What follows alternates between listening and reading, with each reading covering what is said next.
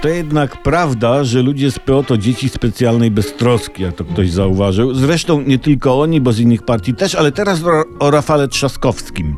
Facet wymyślił sam sobie ksywkę. W wywiadzie powiedział, że w młodości był dupiarzem i zarechota. Czyli takim kolesiem, który, jeśli chodzi o życie intymno-łóżkowe w młodości, był znanym i cenionym aktywistą. Niby ze swoim kumplem ze szkoły Michałem Żebrowskim w jego kawalerce tego Michała rozmawiali o sztuce, ale to były rozmowy typu miałeś już tę sztukę? No i to pojęcie dupiarz zostanie już z nim na zawsze. Taksywa rodzi pewne możliwości w kampanii wyborczej. W PiSie, kiedy usłyszeli jak Trzaskowski się nazwał, to z tej radości prezes Kaczyński dał politykom dzień wolnego od spotkań w terenie z wyborcami, co obie strony, politycy i wyborcy, przyjęli z wdzięcznością. Panie Rafale, tak trzymać, mówią pisowcy jakby nie wprost i wdzięcznie o nim myślą, bo pan Rafał był, jest, no przez PO rozważany jako kandydat w wyborach prezydenckich.